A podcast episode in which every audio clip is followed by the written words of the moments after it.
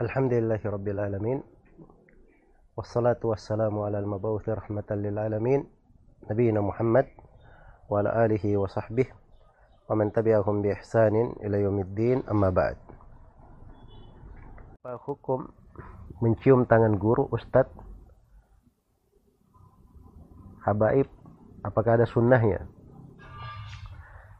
ya, secara umum bahwa mencium tangan guru itu adalah hal yang dibolehkan. Hal yang dibolehkan. Tidak sampai kepada derajat sunnah. Iya. Tapi dia adalah perkara yang dibolehkan. Itu dilihat apa yang berjalan di tengah manusia dari kebiasaan. Seorang anak mencium tangan gurunya seorang anak mencium tangan orang tuanya tangan orang yang dia hormati, orang yang lebih tua darinya. Itu di kita di Indonesia adalah kebiasaan berjalan. Itu masuk di dalam bab al-mubahat, perkara-perkara yang dibolehkan. Tapi bukan digolongkan sebagai perkara yang disunnahkan. Iya. Semoga Allah memberi taufik kepada semuanya. Sampai di manakah bacaan tasyahud awal dan tasyahud akhir? Jawabannya tasyahud awal itu yang dinamakan tasyahud itu cuman bacaan dari at-tahiyatulillah hingga syahadat saya. Itu yang disebut tasyahud. Ya kalau setelah syahadat itu namanya salawat.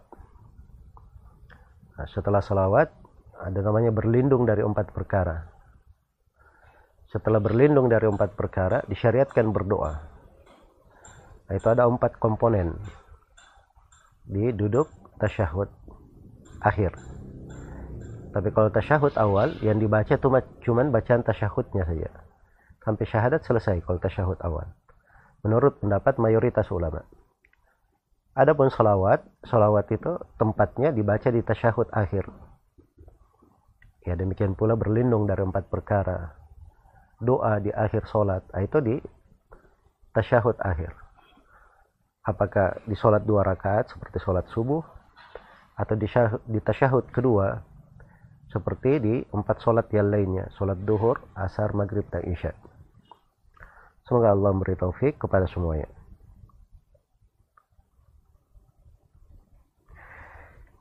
Saat masbuk bolehkah kita membaca doa iftitah? Atau dengan bahasa lain kita langsung membaca surah al-fatihah. Jawabannya doa iftitah itu hukumnya sunnah. Hukumnya sunnah bukan wajib. Dan seorang masbuk apabila dia masuk ke dalam sholat kewajibannya adalah mendengarkan bacaan imam. Mendengarkan bacaan imam.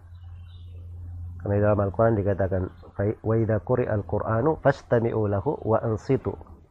Apabila Al-Quran dibacakan maka dengar dan diamlah. Jadi itu perintah jadi masbuk ini dihadapkan kepada dua hal.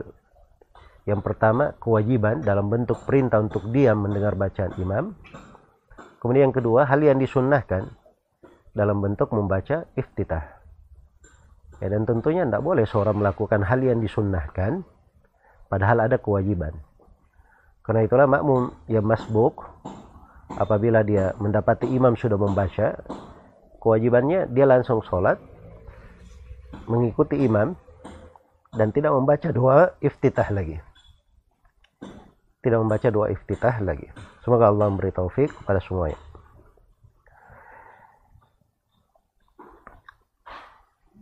Sampai batas manakah hadith lemah boleh dijadikan sebagai dalil? Hadith lemah menurut pendapat yang kuat dari muhakkikin di kalangan ulama ahli hadith bukan hujjah di segala keadaan bukan hujjah di segala keadaan. Hadith lemah. Kadang ada pembahasan hadith lemah di masa dahulu, bukan lemah bermakna mutlak. Bukan lemah bermakna ditolak hadithnya secara umum. Tapi lemah bermakna kalau dibandingkan dengan hadith-hadith rawi yang thiqah, dia itu derajatnya lemah. Tapi hakikatnya bisa diterima. Tapi kalau dibandingkan dengan rawi yang lebih thiqah, itu dihitung sebagai hadith yang lemah. Di sudut perbandingan. Iya. Kemudian yang kedua bagi para ulama yang mengatakan boleh berhujjah dengan hadith lemah itu mereka meletakkan padanya syarat-syarat. Syarat yang pertama hendaknya hadith itu bukan hukum tersendiri yang dipetik dari hadith. Tapi hadith harus masuk ke dalam keumuman makna-makna syariat masuk dalam pendalilan-pendalilan umum. Kemudian yang kedua, hadith lemah tersebut kelemahannya bukan syadid dhaaf, bukan lemah sekali. Kelemahan yang ringan. Iya. Dan kelemahan yang ringan seperti ini ya yang menentukan berat atau ringan itu bukan tugas semua orang, tapi itu tugas para ulama ahli hadith. Iya. Jadi mereka syaratkan kelemahannya tidak sangat lemah.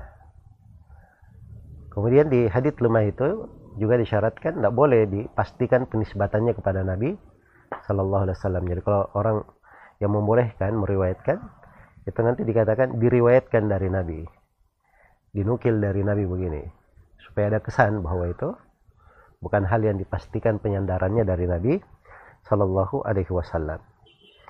Iya. Secara umum Ya untuk apa seorang itu berpikir terkait dengan masalah hadit-hadit lemah? Hadit-hadit yang sahih itu banyak dan perlu diamalkan. Ya umur saya tidak akan habis apa namanya di dalam mengamalkan hadit-hadit yang sahih. Semoga Allah memberi taufik kepada semuanya. Baik. Bagaimana hukumnya menggunakan pil pencegah haid saat Ramadan karena kebiasaan haidnya yang sampai 12 hari dan tidak ingin terlewatkan kesempatan beramal di bulan Ramadan. Ya perempuan itu memang tabiatnya adalah haid. Tabiatnya. Iya. Dan itu ketentuan yang Allah tetapkan atas anak-anak perempuan Bani Adam. Maka kalau dia ikuti fitrahnya, apa yang Allah pilihkan untuknya, itu adalah hal yang baik. Kecuali kalau dia punya alasan-alasan dia pandang di bulan Ramadan itu lebih bagus dia sempurnakan puasanya. Karena di luar Ramadan mungkin dia akan sibuk. Ya tidak semangat beramal seperti di bulan Ramadan. Maka di posisi-posisi maslahat tertentu dia memandang untuk memakai pil pencegah haid itu tidak ada masalah insya Allah taala dengan syarat bahwa pil pencegah haid ini itu tidak membawa bahaya untuk dirinya. Tidak mengganggu siklus haidnya dan tidak apa namanya mengganggu urusan-urusan ibadahnya. Semoga Allah memberi taufik kepada semuanya Mohon dijelaskan hadith tentang menyambung silaturahmi dapat dapat memanjangkan umur. Itu hadith diriwayatkan oleh Al-Bukhari dan Muslim. Rasulullah sallallahu alaihi wasallam bersabda man sarrahu ayyubasata lahu fi uh, rizkihi wa yunsha'alahu fi ajalihi falyasir rahimahu. Barang siapa yang senang rezekinya itu dilapangkan dan dia senang umurnya dipanjangkan, maka hendaknya dia menyambung silaturahminya. Jadi maksudnya menyambung silaturahmi itu dari amalan salih yang menyebabkan umur itu dipanjangkan. Iya. Dan dipanjangkannya umur itu artinya terjadi perubahan di catatan takdir di tangan para malaikat atau yang semisal dengannya. Tapi seluruh perubahan itu itu telah tercatat di Lauhul Mahfuz. Iya. Nah itu semuanya tidak bertentangan dengan makna keimanan kepada takdir Allah Subhanahu wa taala. Karena itu terdapat anjuran untuk menyambung silaturahmi apalagi kalau di kondisi kita diputuskan tapi kita tetap menyambung maka itu insya Allah taala pahala dan kebaikannya akan lebih besar. Semoga Allah memberi taufik kepada semuanya.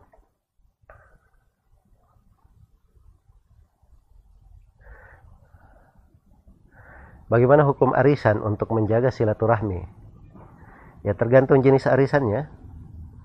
Kalau arisannya tidak ada pelanggaran syariat di dalamnya, dalam bentuk misalnya 10 orang menyerahkan uang setiap kali diundi 100 ribu dan setiap dari 10 orang yang naik undiannya itu mendapatkan jumlah 1 juta nah 10 kali 100 ribu berarti 1 juta setiap orang mendapatkan hal yang sama dari apa yang dia masukkan.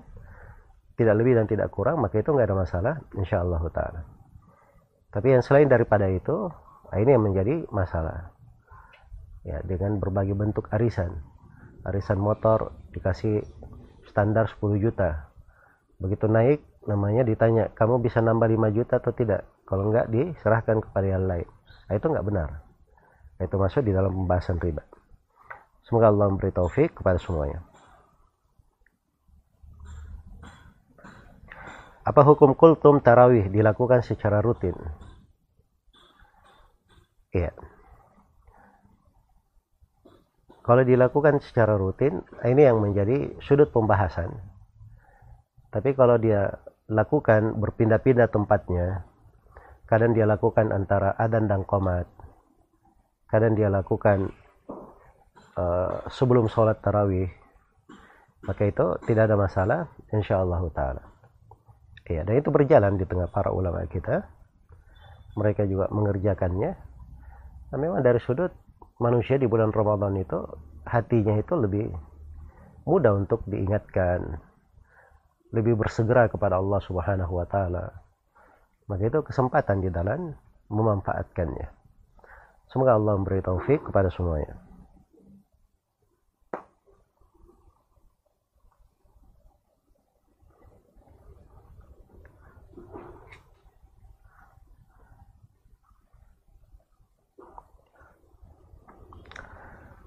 Bagaimana hukum menikah berbeda agama yang melakukan akad dan juga pemberkatan? Apakah setelah melakukan pemberkatan dia telah mutlak keluar dari Islam? Nah, ini haram ya pernikahan yang seperti ini. Karena di dalamnya dia memakai dari syiar kekafiran. Ya. Saya nggak tahu apa jenis pemberkatannya, tapi kalau itu adalah pengakuan terhadap ketuhanan atau ibadah kepada selain Allah dan dia benarkan hal tersebut maka dia kafir keluar dari Islam dengan hal itu. Iya. Tapi kalau di batasan tidak mengeluarkannya dari keislaman dia tetap meyakini dirinya sebagai muslim. Tapi dia bermaksiat gara-gara ingin menikah maka dia dikatakan muslim bermaksiat. Semoga Allah memberi taufik kepada semuanya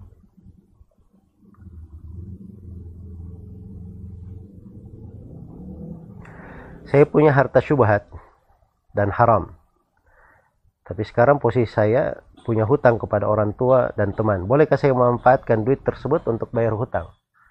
Tidak boleh ya kalau hartanya harta haram. Iya. Itu adalah harta haram. Kewajibannya adalah berlepas diri dari harta itu. Tidak boleh dia manfaatkan untuk dirinya sendiri dalam bentuk membayar hutang maupun yang lain. Tapi kalau hartanya harta syubhat, nah ini mau dilihat syubhatnya kayak jenis bagaimana. Iya. Harta syubhat itu kayak bagaimana. Kalau dia jenis syubhat yang tidak mengeluarkan kepemilikan harta dari dirinya, maka itu tidak ada masalah.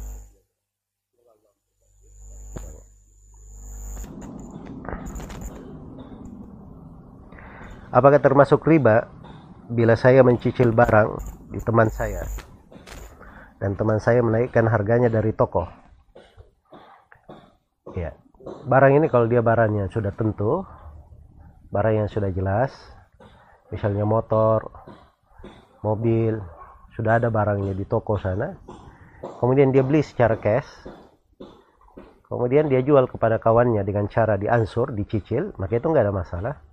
Insyaallah taala karena tidak ada pelanggaran dan syah syarat jual beli di situ. Dia juga memiliki barang yang dia miliki. Iya. Semoga Allah memberi taufik kepada semuanya.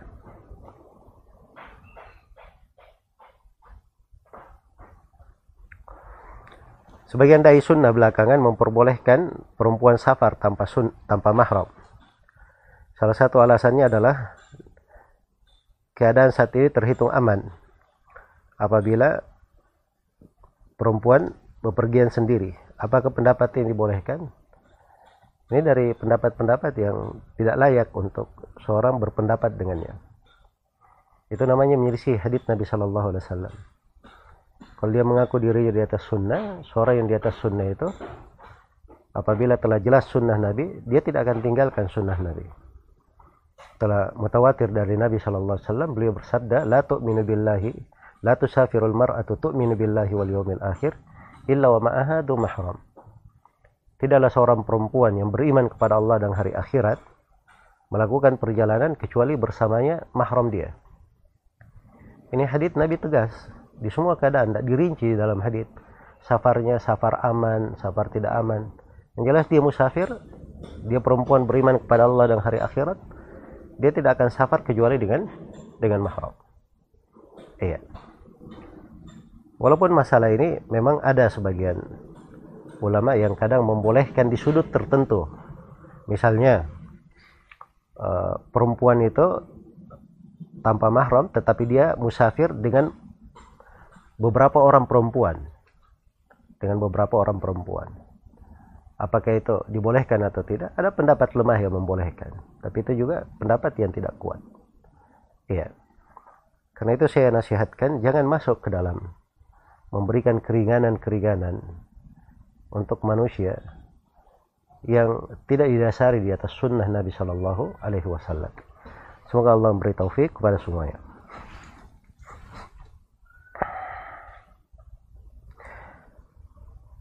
Apa saja batas perbedaan pendapat yang boleh ditolilir dan yang tidak boleh? Ya, silam pendapat itu ada dua, ada namanya ikhtilaf tanawu perbedaan sifatnya tanawu semuanya boleh. Mengandung kemungkinan dalil. Seperti misalnya doa iftitah. Banyak jenis doa. Boleh baca ini boleh baca itu. Doa ruko doa sujud. Boleh baca ini boleh baca itu. Nah, itu khilaf tanawu namanya. Iya. Karena dalil ada beraneka ragam di situ. Dan kemungkinan pada dalil juga ada lebih dari dua kemungkinan. Maka yang seperti ini masuk dalam khilaf tanawu tapi kalau dia khilafnya khilaf tadad, ini jenis yang kedua, di mana dalil jelas untuk kepada suatu pendapat, maka itu tidak boleh dikatakan diizinkan. Ini menyembah kubur, di sana tidak menyembah kubur. Ya, ini membolehkan berdoa kepada selain Allah, sedangkan dalil mengharamkan hal itu. Tidak boleh dikatakan, oh ini ada silam pendapat. Ya, ini dari hal yang keliru. Harus dipastikan bahwa hal yang mungkar di dalam syariat itu adalah mungkar. Semoga Allah memberi taufik kepada semuanya. Kemudian yang kedua, yang perlu diingat juga di perbedaan pendapat, kadang sebagian pendapat itu, silam pendapat, yang bisa mentarjih, menguatkan, itu bukan semua orang. Itu orang-orang tertentu. Iya. Terus perbedaan pendapatnya di masalah apa? Kalau murni masalah fikih, itu kadang para penuntut ilmu bisa masuk di dalamnya. Tapi kalau silam pendapat terkait dengan masalah peradilan, percekcokan, masalah-masalah detail, itu yang masuk di dalamnya cuma orang-orang yang rasih, orang-orang yang kuat di dalam ilmu. Iya. Semoga Allah memberi taufik kepada semuanya.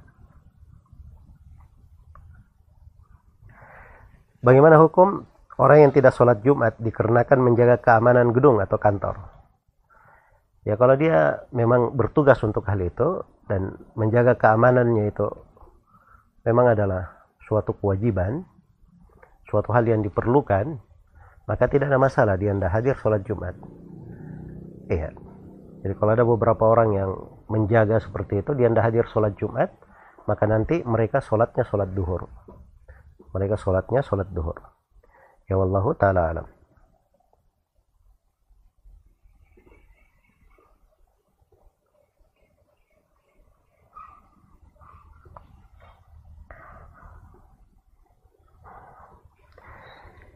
Hadis jika malam telah datang menjelang, maka tahanlah anak kalian. Jika telah berlalu dari waktu malam, maka lepaskanlah mereka.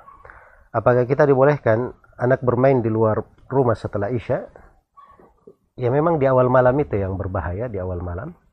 Adapun kalau sudah berlalu awal malamnya, maka tidak ada masalah insya Allah taala. Cuman terkait dengan masalah anak bermain di luar rumah di malam hari itu adalah hal yang kurang layak untuk anak. Kecuali kalau ada keperluan-keperluan tertentu, si anak keluar ke masjid misalnya untuk belajar Al-Quran, yang semisal dengannya, maka itu nggak ada masalah insya Allah ta'ala.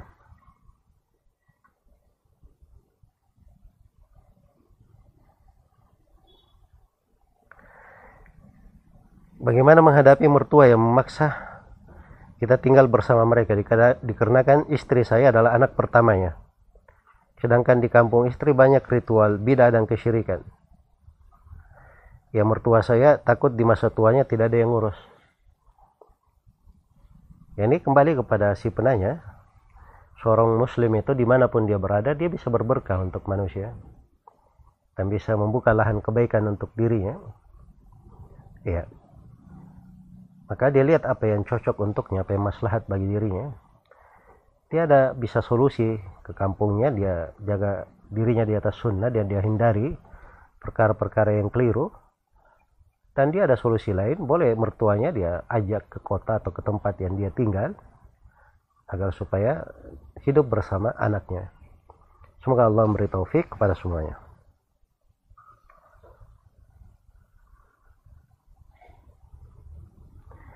Jika musik haram, bagaimana hukum dari menjual speaker aktif? Iya. Membunuh itu haram, membunuh. Tapi bukan artinya kita dilarang jual pisau. Kan begitu? Iya. Racun tikus itu bisa mematikan. Bukan artinya kita ada orang-orang yang meninggal gara-gara bunuh diri minum racun tikus. Tidak mengharuskan kita mengatakan bahwa racun tikus haram untuk apa? Untuk dijual. Jadi sepanjang asal penggunaannya dia dibolehkan, maka tidak ada masalah untuk dijual. Kecuali kalau diketahui orang yang membelinya pasti memakainya ke dalam hal yang diharamkan, nah itu baru kita ada ketentuan pada ayat wala ta'awanu 'alal itsmi wal udwan. Jangan tolong menolong di atas dosa dan permusuhan. Semoga Allah memberi taufik kepada semuanya. Tentang minum dalam keadaan berdiri apa ada sunnahnya? Atau ada sekedar dibolehkan? Minum apakah disunnahkannya berdiri atau duduk? Itu silam pendapat di tengah para ulama. Iya pendapat yang paling pertengahan di dalam hal ini adalah apa yang dibahasakan oleh sebagian ulama dalam dua bait syair. Kata beliau wa idza ma syaribta fajlis tafud bi sunnati sahwati ahli al-hijaz Waqad nukila syurbuhu qa'iman wa dhalika li bayanil jawaz. Apabila engkau duduk, apabila engkau minum, maka duduklah. Engkau akan beruntung. Kenapa? Karena sunnahnya Nabi Shallallahu Alaihi Wasallam yang merupakan manusia pilihan di negeri Hijaz. Tapi telah dinukil bahwa Nabi itu minum dalam keadaan berdiri. Nah, maka minumnya Nabi dalam keadaan berdiri itu menunjukkan bolehnya itu menunjukkan boleh ya. Ya dua dua bait syair ini saya pernah bacakan ke Syekh Shalal Fauzan saya minta pendapat beliau tentang apa namanya uh, tarjih di dalam dua bait syair. Dan beliau setuju dengan pendapat ini. Semoga Allah memberi taufik kepada semuanya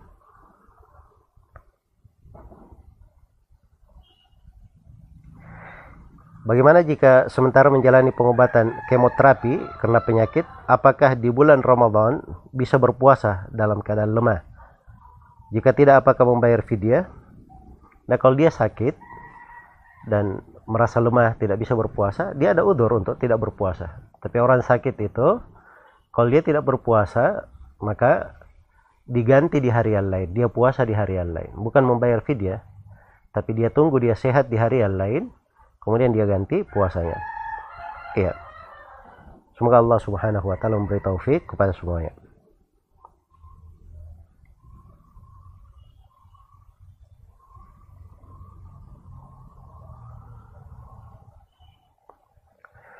Ada teman PNS yang juga single. Single parents dan menafkahi tiga anak yatim serta ibunya. Sering diperintah untuk sering diperintah oleh kantor untuk perjalanan dinas keluar kota dan sabar tanpa mahram. Iya. apakah apa ada udur untuk ibu tersebut? Karena untuk tugas kantor sekaligus menafkahi anak-anak.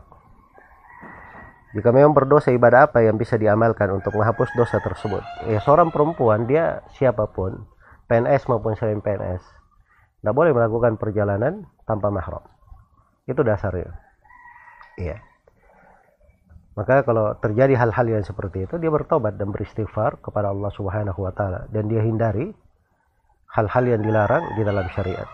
Dan apa yang dia lakukan dari amalan ketaatan, menafkahi ibunya, anak-anak dan seterusnya, itu adalah hal yang baik. Ya, ibadah. Tapi jangan sampai dia jatuh di dalam hal yang diharamkan. Semoga Allah memberi taufik kepada semuanya.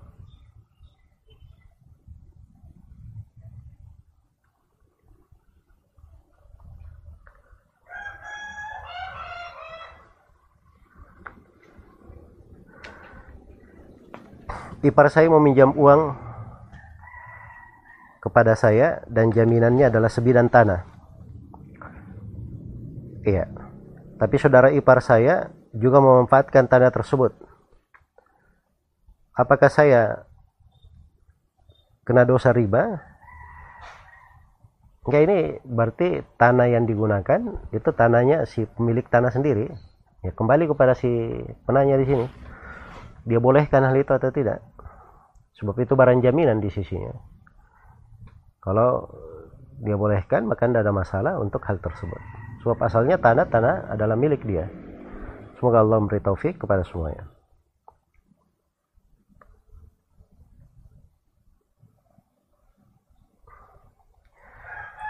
Mohon nasihat Ustadz ketika kita menjadi dosen yang mahasiswanya ikhtilat antara pria dan uh, perempuan apa saja hal-hal yang bisa dilakukan agar terhindar dari maksiat dan semacamnya. Ya ini uh, pembahasan memang seorang kadang masuk di dalam dunia pendidikan dan itu adalah hal yang baik, memberi manfaat kepada manusia, memberikan pengajaran, ya, memberi ilmu, walaupun di bidang dunia itu adalah hal yang baik. Tapi dia harus hindari hal-hal yang diharamkan. Percampur bauran laki-laki dan perempuan itu nggak dibolehkan dalam syariat. Dan itu adalah sebab fitnah. Dan berbagai dalil dari Al-Quran dan As-Sunnah melarang akan hal tersebut. Iya maka mungkin dari penanya dia bisa minta apabila di waktu dia mengajar dipisah antara laki-laki dan perempuan iya dia lakukan hal yang paling mendekati kepada syariat Allah apa yang dicintai dan diridhai oleh Allah Subhanahu wa taala. Semoga Allah memberi taufik kepada semuanya.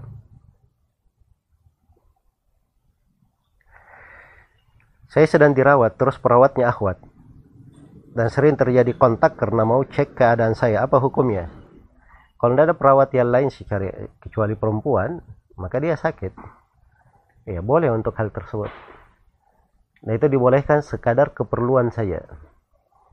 Sekadar keperluan saya sisa perawatnya jadi beritahu tolong supaya tidak disentuh kecuali pada hal yang memang itu tidak bisa terlepas darinya semoga Allah memberi taufik kepada semuanya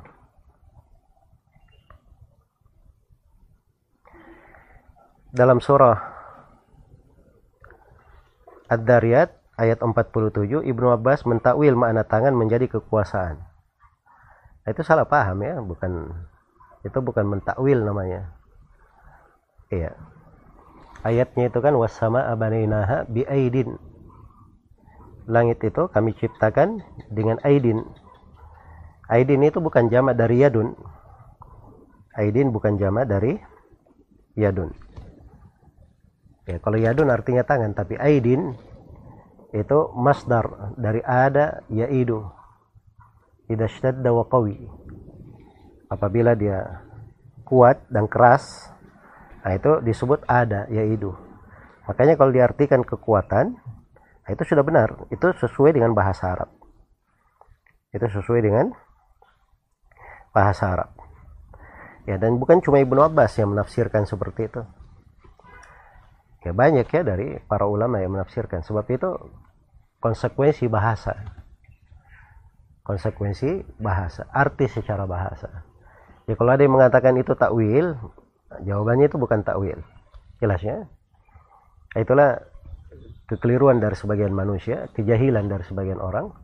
Dianggap bahwa itu takwil padahalnya padahal bukan takwil. Tapi itu adalah makna secara bahasa. Ya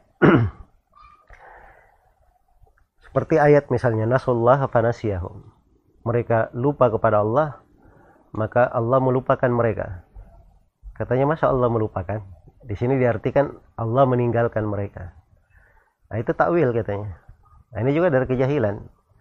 Nasya itu dalam bahasa Arab, di antara maknanya dalam bahasa Arab itu bermakna atar meninggalkan. Ya, kalau dia baca dalam buku-buku tafsir, dia baca di dalam buku-buku bahasa, dia akan dapatkan hal itu. Dan kalau dia mengambil ilmu dari guru, maka guru akan mengingatkan maknanya. Tapi masalahnya ini orang-orang, dia tidak mengambil dari ilmu dari guru, mereka baca sendiri saja.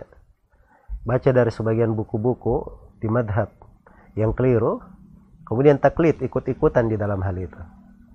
Ya tapi kalau dia baca dari guru guru akan ingatkan mana yang sebenarnya. Semoga Allah memberi taufik kepada semuanya. Baik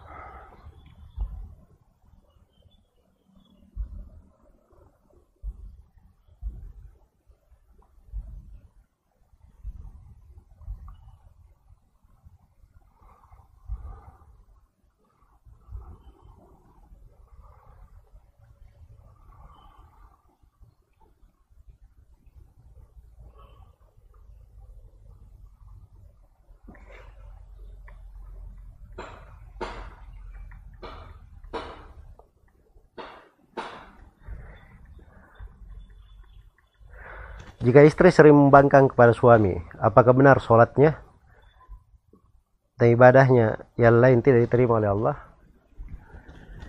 Nah, tidak ya, kalau bentuk pembangkangan itu ada sebagian bentuk pembangkangan yang dikatakan tidak diterima sholatnya.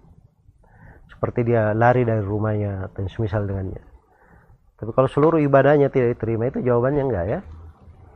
Terus yang kedua makna tidak diterima bukan artinya dia tidak ada kewajiban menggugur, uh, melaksanakan kewajiban, tapi tidak diterima maksudnya tidak dapat pahala.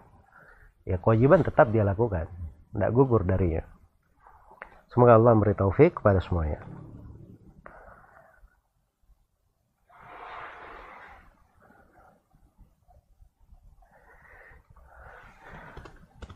Apakah ada doa berbuka puasa sesuai sunnah?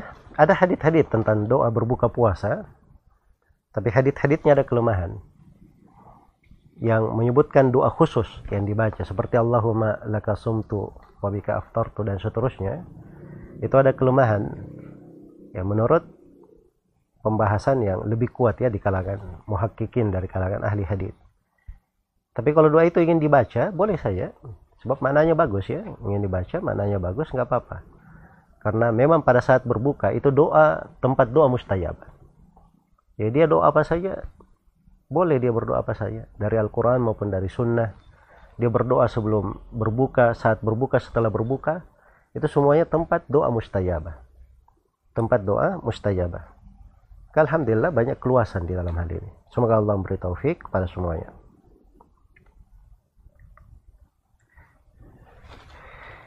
Bolehkah membaca bacaan ruku dan sujud sebanyak lima kali atau tujuh kali di saat sholat wajib dan sholat sunnah.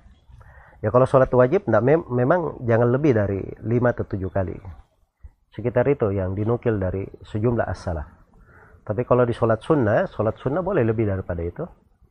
Karena Nabi itu rukuknya, sujudnya, itu sama dengan lama dia berdiri membaca. Iya. Maka kalau dia membaca baca lebih daripada itu, maka tidak ada masalah, insya Allah ta'ala.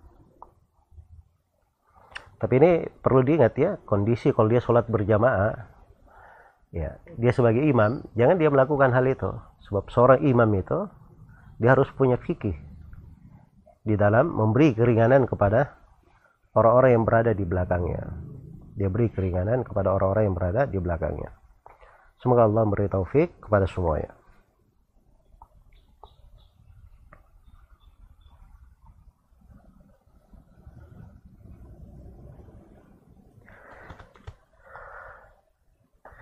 Apakah boleh nikah silang? Misalnya saudari adik perempuannya menikah dengan adik iparnya. Yang gak ada masalah ya dua-duanya bukan mahram. Ya tidak terikat dengan mahram. Kalau dinikahkan tidak ada masalah insyaallah taala. Bahkan lebih daripada itu ya seorang ayah dinikahkan putrinya dengan seorang laki-laki. Ya kemudian si ayah ini sendiri dia nikahi saudara perempuan dari laki-laki itu. Nah itu juga tidak ada masalah. Ya karena memang dasarnya boleh untuk menikah tidak diikatan mahram. Semoga Allah memberi taufik kepada semuanya. Apa kewajiban bagi perempuan nifas? Apakah dia mengganti puasa setelah Ramadan? Nifas itu sama dengan haid. Menurut kesepakatan ulama sedangkan perempuan haid itu adalah dia mengkodok puasanya. Makanya perempuan yang nifas kalau dia sepanjang Ramadan 30 hari tidak berpuasa maka dia ada kewajiban untuk mengganti puasa selama 30 hari. Karena itu dihitung haid. Semoga Allah memberi taufik kepada semuanya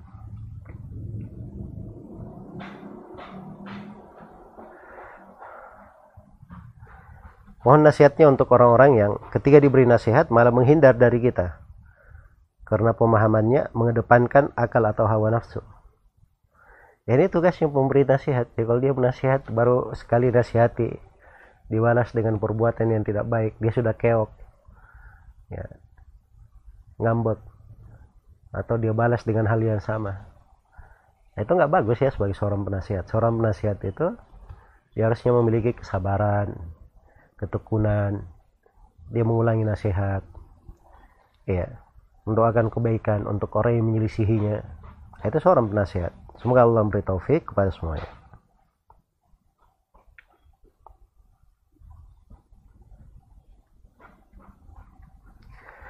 Boleh berdoa pada tahiyat awal?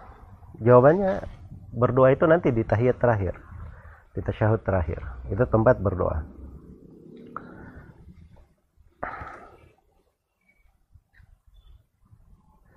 Apakah ada buku yang berbahasa Bugis?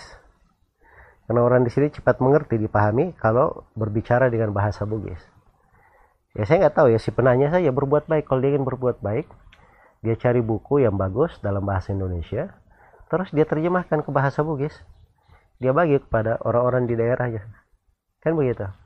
Sama dengan kawan-kawan di Jawa. Ya. Karena dengan bahasa Jawa itu dia lebih lebih mengena di hatinya. Itu tabiat manusia, lumrah pada manusia.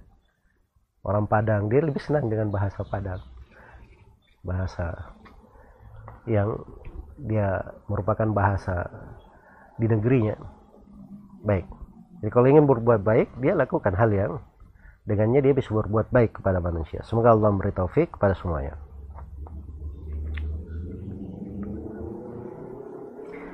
Bagaimana hukum suara perempuan yang saat memarahi anaknya yang besar? Kedengaran suaranya ke tetangga. Ya kehidupan bertetangga itu biasa ya ada kedengaran suara dan seterusnya. Ya tidak mungkin seorang itu di rumahnya dia berbisik-bisik di semua keadaan. Nah, itu hal yang lumrah biasa dari perkara yang dimaafkan. Cuman kalau ingin nasihat saya nasihatkan supaya menempatkan segala sesuatu pada tempatnya. Pada hal-hal yang kadang kaitannya dengan dia memarahi anak itu kan masalah lebih pribadi sebenarnya jadi kalau kedengaran ke tetangga kan kurang layak sebenarnya jadi hal-hal yang seperti itu dia perhatikan, dia jaga. Semoga Allah memberi taufik kepada semuanya.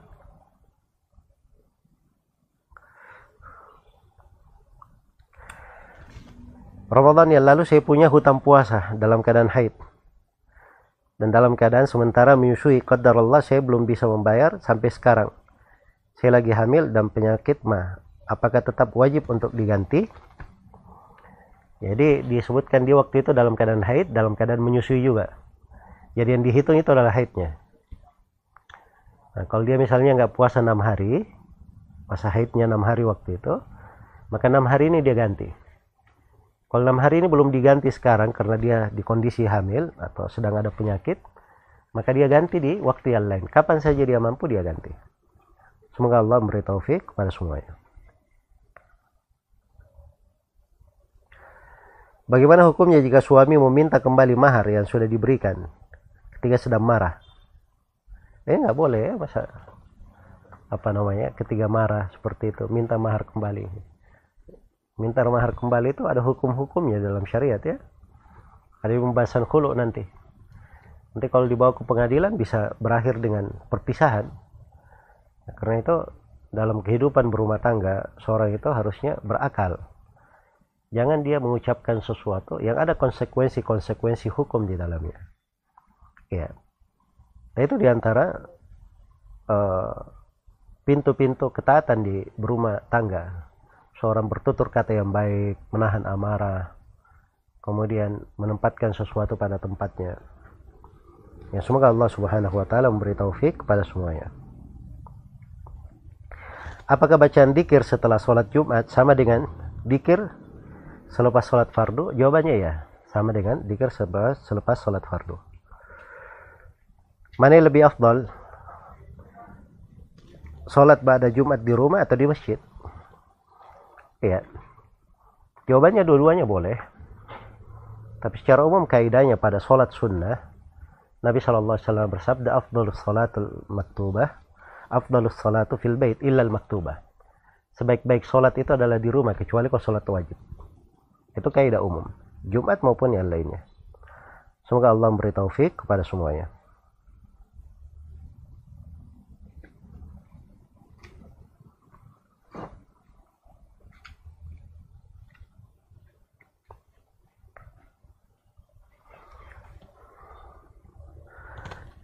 Apa hukum memakai obat kumur-kumur atau pengharum mulut pada saat berpuasa atau pembersih gigi yang mengandung alkohol? Iya. Kalau dia pakai dan tidak masuk ke dalam pencernaannya, maka itu tidak ada masalah insyaallah taala. Ya, karena seorang bersiwak ya, bersiwak itu kan ada rasa harum di mulut. Sedangkan dibolehkan orang yang berpuasa itu bersiwak bahkan disunnahkan semoga Allah memberi taufik kepada semuanya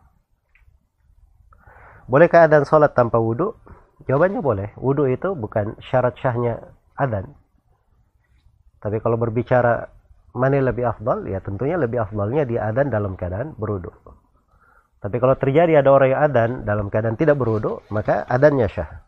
Adannya syah.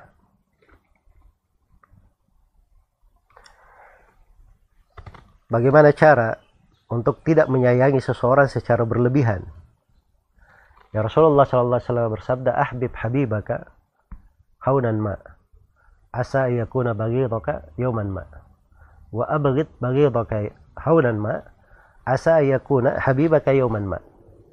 Cintailah siapa yang kamu cintai seminim mungkin. Barangkali suatu hari dia akan menjadi orang yang kamu benci. Dan bencilah siapa yang kamu benci seminim mungkin. Barangkali suatu hari dia menjadi orang yang kamu kamu cintai ya berlebihan itu memang nggak bagus ya. Nah, bagaimana cara mengukurnya? Mudah. Ya diukur dengan ketentuan syariat.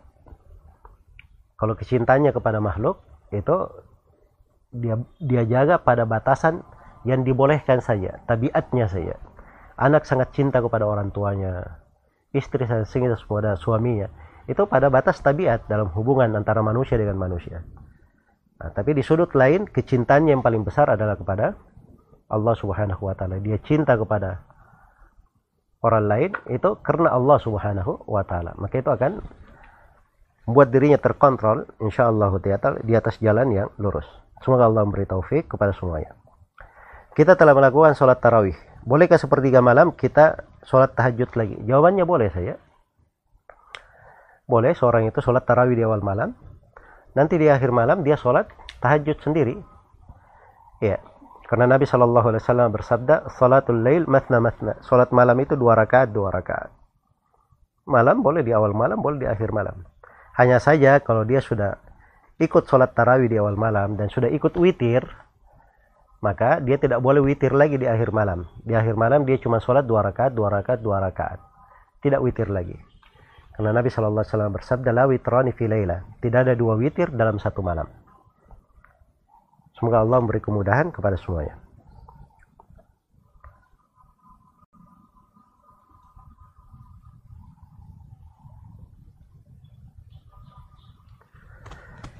apakah saya berdosa jika kuburan saudara diberi nisan yang ada Al-Qur'annya? Padahal kita sudah beritahu jangan diberi nisan yang ada tulisan Al-Quran. Kalau dia sudah beritahu, sudah gugur dari kewajibannya. Ya. Dan itu tidak benar ya mem memasang nisan ada kuburan ada Al-Qur'annya, subhanallah. Ya Al-Qur'an diletakkan di mana?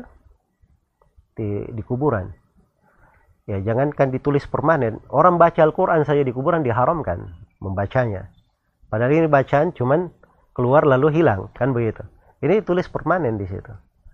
Dan itu adalah hal yang diharamkan. Ya, dan ini dari sebagian manusia kadang berbuat sesuatu dia tidak mengerti tuntunan-tuntunan di dalamnya. Semoga Allah memberi taufik kepada semuanya. Apa hukumnya membangunkan orang yang sahur dengan speaker masjid? Nah, ini dari kemungkaran yang harus diingkari. Ya, membangunkan orang dengan speaker masjid, apalagi orang yang membangunkannya itu suaranya macam-macam. Ada yang bercanda, ada yang melucu, ada yang Ya sepertiga malam itu dipikirnya semua orang tidur. Ada orang yang sepertiga malam terakhir di Ramadan dia sedang sholat, sedang membaca Al-Quran. Ya, itu satu sudut. Ini di tengah kaum muslimin. Apalagi kalau di sekitar masjid ada orang-orang non muslim. Tidak boleh kita mengganggu non muslim itu dengan suara-suara kita. Iya. Adapun adan, adan itu memang syariat dikeluarkan Nah, itu pengumuman karena itu syiar di dalam agama. Tapi mengeraskan suara dengan mikrofon membangunkan orang sahur ini dari kemungkaran yang harus diingatkan. Iya. Rasulullah sallallahu alaihi wasallam bersabda, "Ala kullukum munajin rabbah, fala yajharanna ba'dukum ala ba'din fil qira'ah." Ketahuilah bahwa setiap dari kalian itu bermunajat kepada Rabbnya.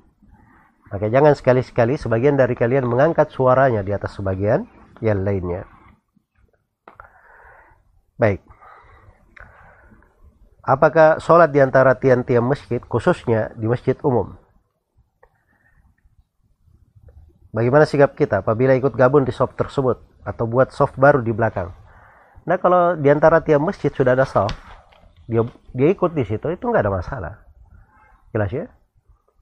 Karena yang membuat soft itu bukan dia, tapi karena softnya sudah ada, ada yang kosong, kewajibannya adalah dia penuhi soft yang kosong. Iya. Dan ini termasuk kekeliruan ya pada sebagian kawan-kawan. Kadang dia lihat ada soft antar dua tiang. Kemudian dia bikin soft sendiri di belakang. Dia sendiri di situ. Nah, ini nggak benar ya. Itu namanya bisa membatalkan sholatnya. Karena Nabi Shallallahu Alaihi Wasallam bersabda, La salata khalfas. Tidak ada sholat di belakang soft itu sendirian.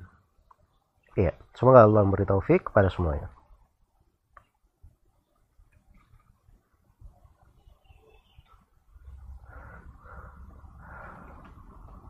Bagaimana hukum seorang dokter memeriksa pasien perempuan yang bukan penyakit berat atau darurat, misalnya hanya flu dan tambal gigi?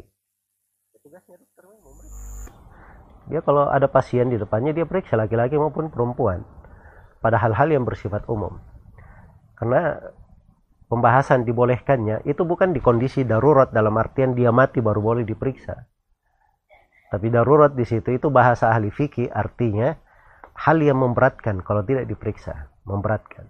Haja syadida ya kalau bahasa fikihnya. Semoga Allah memberi taufik kepada semuanya.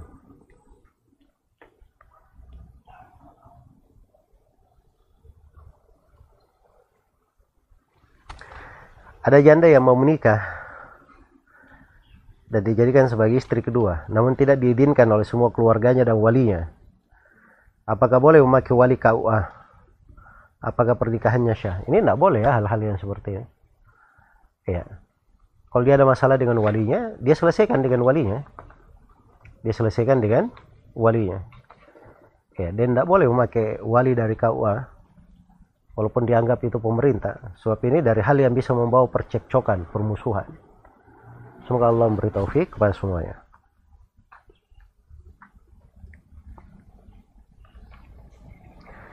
Baik, saya baca tiga pertanyaan terakhir ya.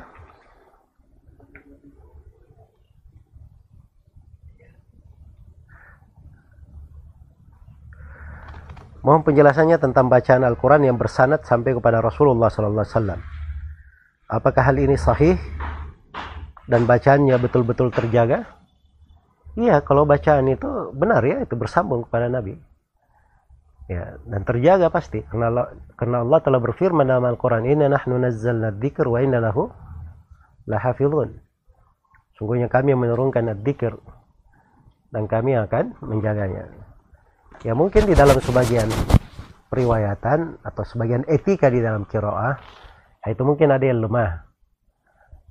Ya misalnya di membaca surah mufassal yang di akhir itu tidak boleh disambung tapi diselingi dengan membaca Allahu Akbar. Nah, ini kan dari hal-hal yang tidak ada syariatnya. Tapi ada di sebagian ahli kiraah iya. Ketiga seorang mengambil sanat dari guru. Dan sanat periwayat itu sampai sekarang masih ada. Sampai sekarang masih ada. Dan alhamdulillah kita juga baca dari guru-guru kita Al-Qur'anul Karim itu bersambung sampai kepada Rasulullah Sallallahu Alaihi Wasallam. Dan memang asal di dalam membaca Al-Quran itu talaki dari mulut guru asalnya. Ilmu tajwid itu cuma pendekatan ilmu tajwid. Iya. Semoga Allah memberi taufik kepada semuanya.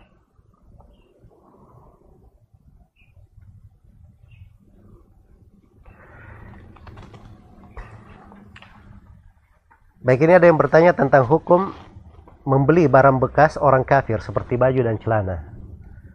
Jawabannya kalau barang itu adalah barang yang dibolehkan, mubah. Iya. Kemudian dia bukan najis, tidak ada najisnya, maka itu tidak ada masalah. Ataupun barang misalnya baju ada najis, dia tahu itu najis, tapi dia beli kemudian setelah itu dia hilangkan najisnya, maka itu tidak ada masalah, insya Allah taala. Sebab asal di dalam syariat ini boleh transaksi dengan orang-orang kafir. Baik, pertanyaan yang terakhir, apa hukumnya memberikan zakat mal kepada panti asuhan? Iya. Kepada panti asuhan. Ya, kalau panti asuhan itu dia harus pastikan bahwa zakat itu jatuh kepada orang yang berhak. Jadi anak-anak yatim itu tidak semuanya berhak menerima zakat. Ada anak yatim yang dia kaya punya harta. Nah, kalau dia kaya, punya harta kan tidak diberi dari dari zakat. Baik. Jadi harus dipastikan anak-anak yatim ini mereka miskin atau fakir atau masuk ke dalam delapan golongan yang disebutkan di dalam ayat di surat Taubah. Ya baru diberi dari zakat harta. Ya wallahu taala alam. Baik saya berterima kasih kepada seluruh kawan-kawan yang mengikuti program acara ini. Dan Masya Allah masih banyak sekali pertanyaan yang kalau scroll ke bawah masih panjang ternyata ya semoga Allah Subhanahu wa taala memberi taufik kepada semuanya dan memberi pahala kepada seluruh yang uh, menghadiri acara ini berpartisipasi di dalamnya bersyirikat di dalam kebaikan padanya dan semua kawan-kawan kru di sini yang telah uh, mencurahkan waktu dan tenaganya di dalam program kebaikan ini. Semoga Allah Subhanahu wa taala melipat gandakan pahala untuk semuanya dan menjadikan uh, amalan ini sebagai suatu ketaatan yang tercatat kekal di sisinya. Dan semoga Allah Subhanahu wa taala memberi kepada kita semua keteguhan dan istiqamah di atas sunnah di atas keislaman dan sunnah Rasulullah SAW di kehidupan dunia ini di sakratul maut di alam kubur dan tatkala kita semua menghadap kepada Allah kelak di kemudian hari. Innahu waliyyu dzalika wal qadiru alaih wallahu taala alam. Subhanakallahumma wa bihamdik asyhadu an la ilaha illa anta astaghfiruka wa atubu ilaik walhamdulillahi rabbil alamin. Wassalamualaikum warahmatullahi wabarakatuh